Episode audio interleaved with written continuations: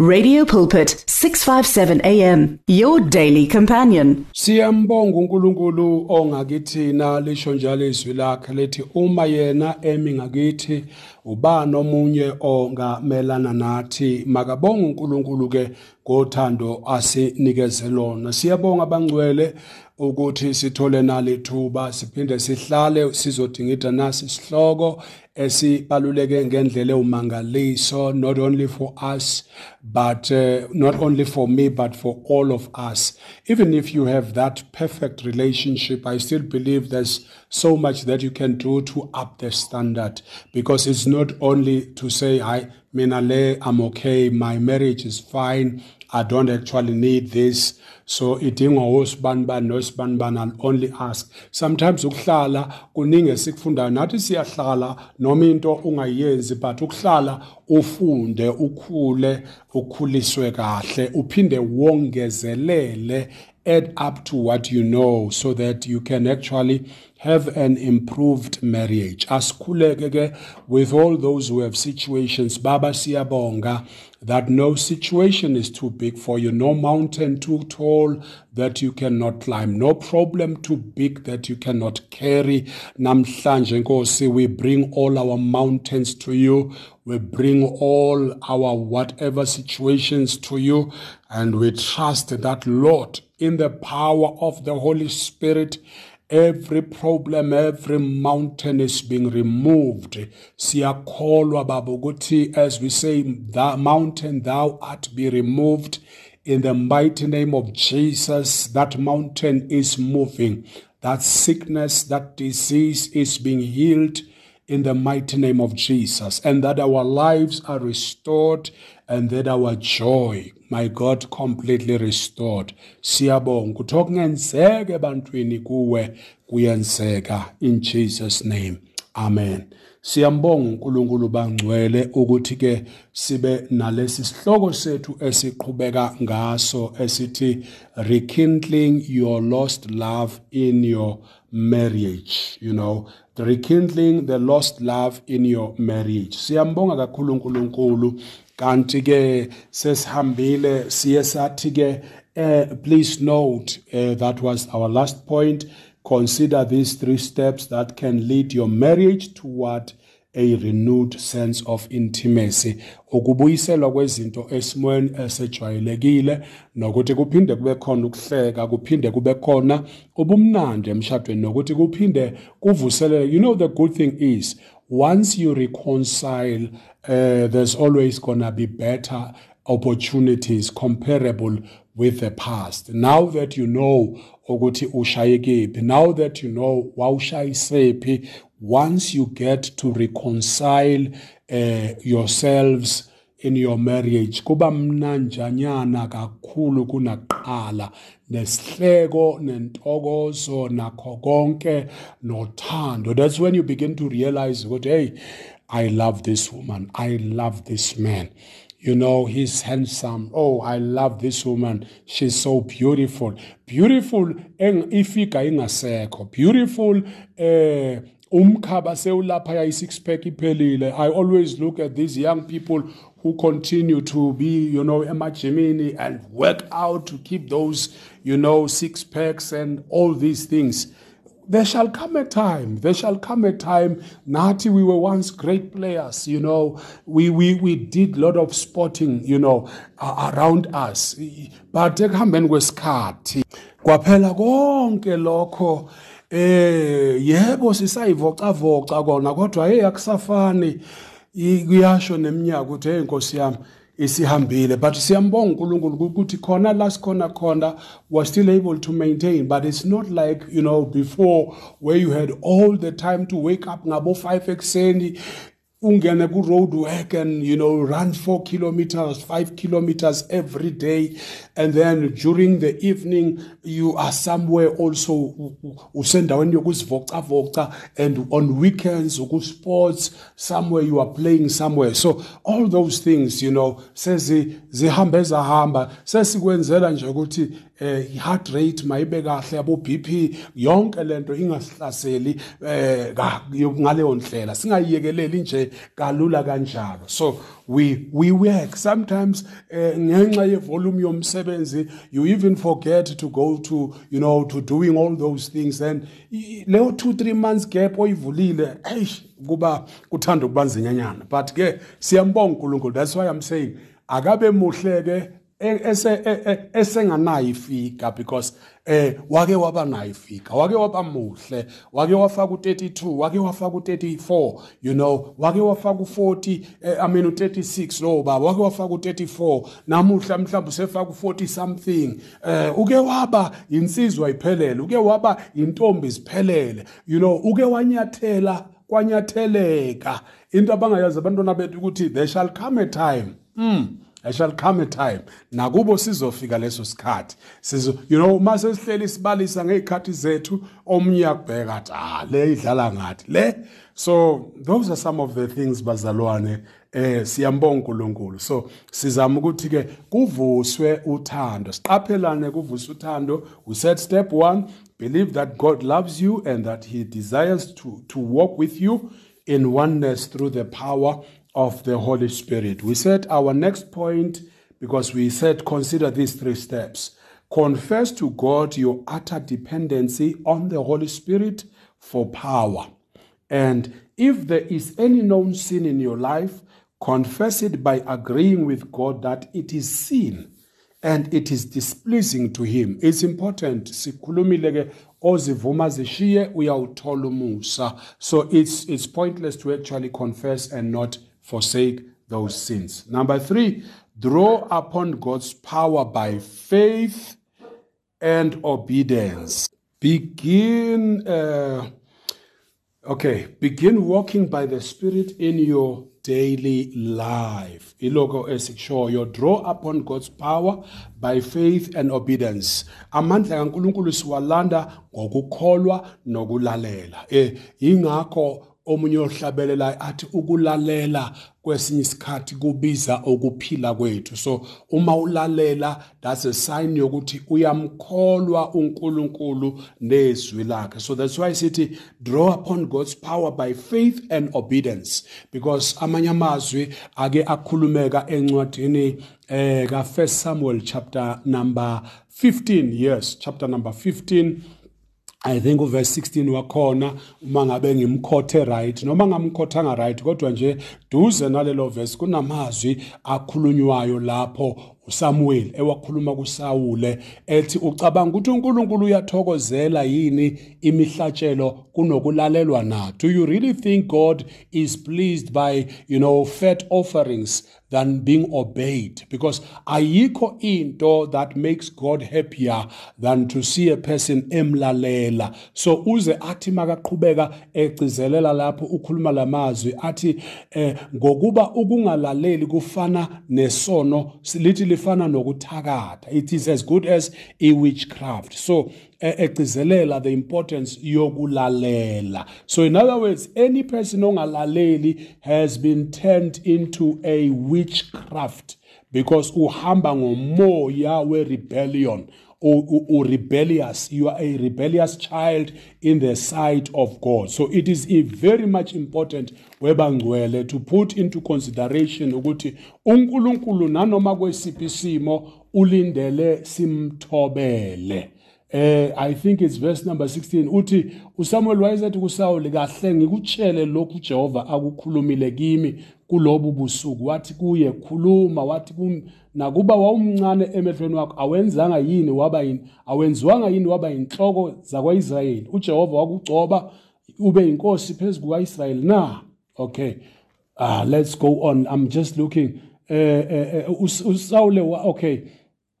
uSamuel verse 22 Okay, verse 22, yes. It's 15 verse 22. Some, First Samuel chapter 15 verse 22. USamuel wathi, uJehova uyenamela yini iminikelo yokushiswa nemihlatshelo njengalokhu enamela ukulalelwa kwezwi likaJehova na? Bheka, ukulalela kuhle kunomhlatshelo nokuqaphela kuhle kunamanoni ezinqama. Verse 23. Ngokuba ukwambuka rebelliousness kunjengesono sokubhula it's as good as going to a witch doctor. Nenkani ifana nokukhonza izithombe namaferaf being stubborn. It is as good as serving you know other idolaters you know serving gods. Uh, and then ngokuba ulilahlile izwi likaJehova naye ukulahlile wena ukuba ungabe usaba inkosi. Oh that's very sad actually to hear such words. Being uttered to a great man of God ukuthi uNkulunkulu uthi ukulahlile because of your rebelliousness. I rebellion it is as good as e witchcraft i think ama-versions wesilungu ayibeka njalo ukuthi the, the, the, the, the being disobedient is it is as good as being you know practicing it is it is good it is as good as practicing uh, witchcraft so in other words that's why la city draw upon god's power by faith and obedience. Avoid ukungalaleli. Begin walking by the spirit in your daily life. When you walk by the spirit you take the counsel the words that God speaks to you. When God says. When God says love and do that and do it unconditionally. When God says forgive, do it unconditionally. When God says let go and let him you know be, do just that because konke uNkulunkulu azobe esinstructor kukho will be of great importance to bringing forth the kind of result that we are expecting. Now we are moving into our next sub point, which is pray for your spouse. Ake ungene emthandazweni mhlawumbe ubungakaqali ke ukumkhulekela owakwakho. Manje ube nesikhathi sokumkhulekela. If you never had any time to it's time to start doing that. Pray for your spouse pray for your marriage and pray for yourself. There are three things to pray for here in our second point. That is to praying for your spouse, to praying for your marriage, and to also praying for yourself. So it's important. These three, uh, you can never separate them. As much as you would love to, you know, bring so much to God. This is another secret that people don't know.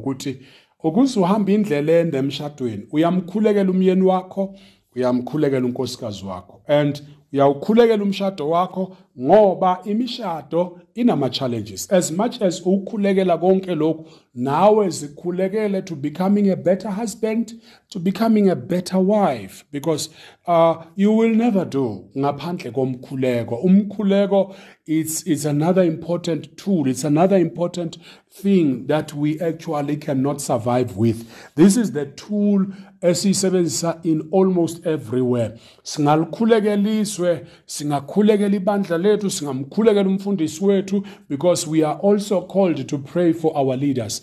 But we also need to step in and pray for our spouses pray for our marriages pray for ourselves because each day we face tests that are here to ask questions or to probe questions. Ukubuza ukuthi hey wemkwenda ume kanjani ume kanjani indoda nalonkosikazi wakho? Eh wenkosikazi kamkwena ume kanjani eh nalendoda yakho? Kuhamba kanjani. Ngesinye isikhathi the probe could be through children. Ngesinye isikhathi the probe could be through your wife could be through you. Sometimes uthola ukuthi nje ufikelwa ispirit sokucasuka ongazi sifikaphi sibuyaphi kanjani. Ufikelwa nje ukudineka eh, and sometimes you don't see all these things zenzeka. Sometimes ufikelwa ukuthi aman i've been long you know with this woman. I've been long uh, with this with this man. I think i need something new. Kanti no. You know the grace that has been entrusted kuwe is far better and far superior than what you desire out there. Sometimes sifisa izinto ezikude nathi ezizothi mase ifika empilweni yethu bese ziyasilimaza kakhulu. Kukhona remember kukhona amazwi asencwadini yezaga i think ayatholakala kuchapter 14 uma ngabe ngiquote right. Proverbs chapter 14 kunalamazwi athi kukhona indlela ebukeka iyinhle emehlweni omuntu kodwa isiphetho saleyo ndlela siyizindlela zokufa. Remember usathane makafika he you know brought the fruit to to to make it appeal to Eve and to also ensure that Eve is persuaded to take the fruit. So, why not today? The same spirit of deception cannot come to tell you that you've been married too long to this man. You need something new, bigger. Sega shapeless, unemikhaba, kuyiyo yonke lento uyi-disaster nje. And sometimes sinokubukela ama-magazines sinokubukela ama-movies. And uh, unfortunately kuma-movies they, they don't just accept abantu abanemizimba emkhulu to be the ones who play main characters. Rather bangababeka babe ngama-villains you know. Uh, kunokuthi babenze babe ngama-main characters. So uthola ukuthi i-main character is quicker is tall is you know even the lady I, I in that movie tall slim and stuff. And that also is actually an appeal it appeals to to us men ukuthi hey your wife is actually too big for you or your wife is this or your wife is that you know. Only if she could you know have the same body and stuff. And ukuthi ukukhula kunezinto zakhona. So this is why we are saying as we pray we are also going to have the ability to pick up izinto ezingama-deceptions izinto ezinjalo eziflowayo. So begin to pray every day for your spouse. Make it your mission ukuthi every day you are going to pray for your spouse you are going to list izinto that you think your marriage needs and you pray about those things. Baba we need love. Baba we need good communication. Baba we need you know ukufunda ukuthethelelana. Baba we need ukubekezelelana. Baba we need to work as a team here. Esikhathini esiningi ubaba yenza yedwa kwesinye isikhathi umama wenza yedwa. So we need to actually work as a team here. So those are some of the nami inkosi ngisize to be this person who can cooperate very well, who can also be understanding, who can also be forgiving, who can also be loving, because it's not just about your spouse only, but you also are included in the equation. Uh, so believe in God for a miracle in your marriage. As you pray, encwadini kaMark athi lapho njalo nikhuleka kholwani ukuthi enicelayo senikwamukele. Psalms 77 verse 14 uthi you are the you are the God who performs miracles.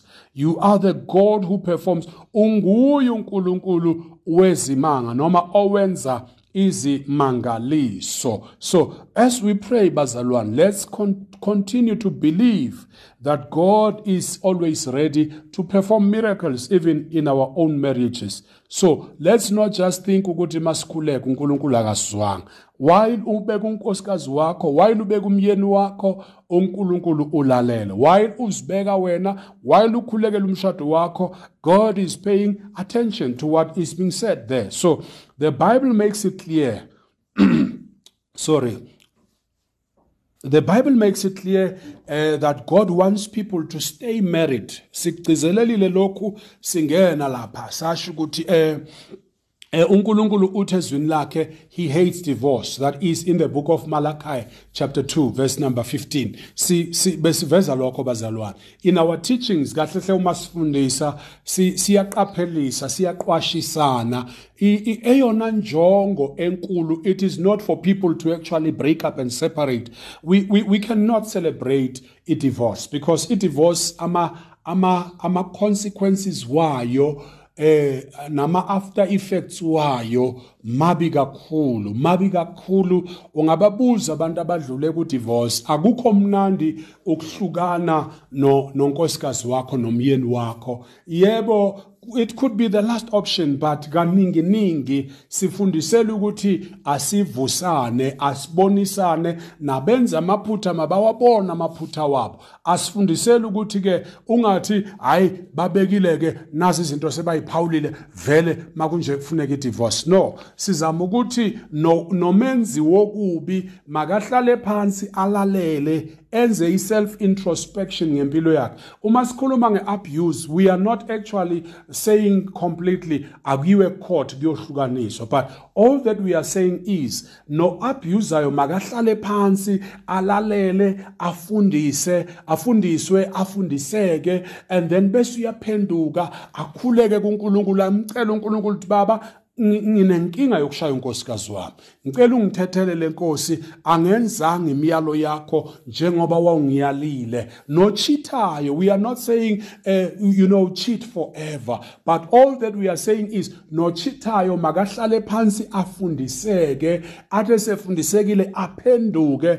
Because uNkulunkulu icovenant yomshado bazalwane is between two people. It will never include the third person the fourth person. Uh, it's not good to also ungene emshadweni bese uyochita it's also not good to have premarital sex.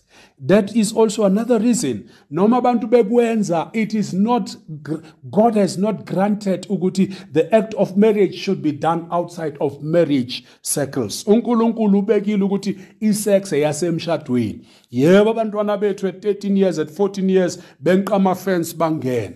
Eh yebo kunabo baba kunabo bhuti abenqa amafensi bangene. And namhlanje it is a normal thing within the society but that's not how god said it should be like. That's why incwadi yabase yamaHebrew chapter 13 uh uma ngabe ngiquote right no is yes chapter 13 athi uNkulunkulu mayikhuluma lapha iziphingi nezihlobongi ziyongena zijeziswe because uNkulunkulu cannot tolerate ukuthi lenkonzo iviolate bazalwane. Sex before marriage is sin. Whether unepasi whether unemali whether ufundile whether uyini sex before marriage even sex uh, con, you know having extramarital relations unomshado. That's also sin. It cannot justify it. Ukuthi we always emphasize ukuthi amadoda abuthakathaka. That does not make it an excuse ukuthi siphile wrong. We should go to God and give and confess and give ourselves to God ukuze silungiswe siphile ngendlela kaNkuluNkulu. Asime lapha abangcwele siqhubeke ngokuzayo inkosi yomusa isibusise. Amen. Radio buzzing of life 657 AM. Radio Pulpit understands that praying alone isn't always easy. So, join us to form a chain of prayer for you and with you. To do so, send in your prayer requests on 067 429 7564.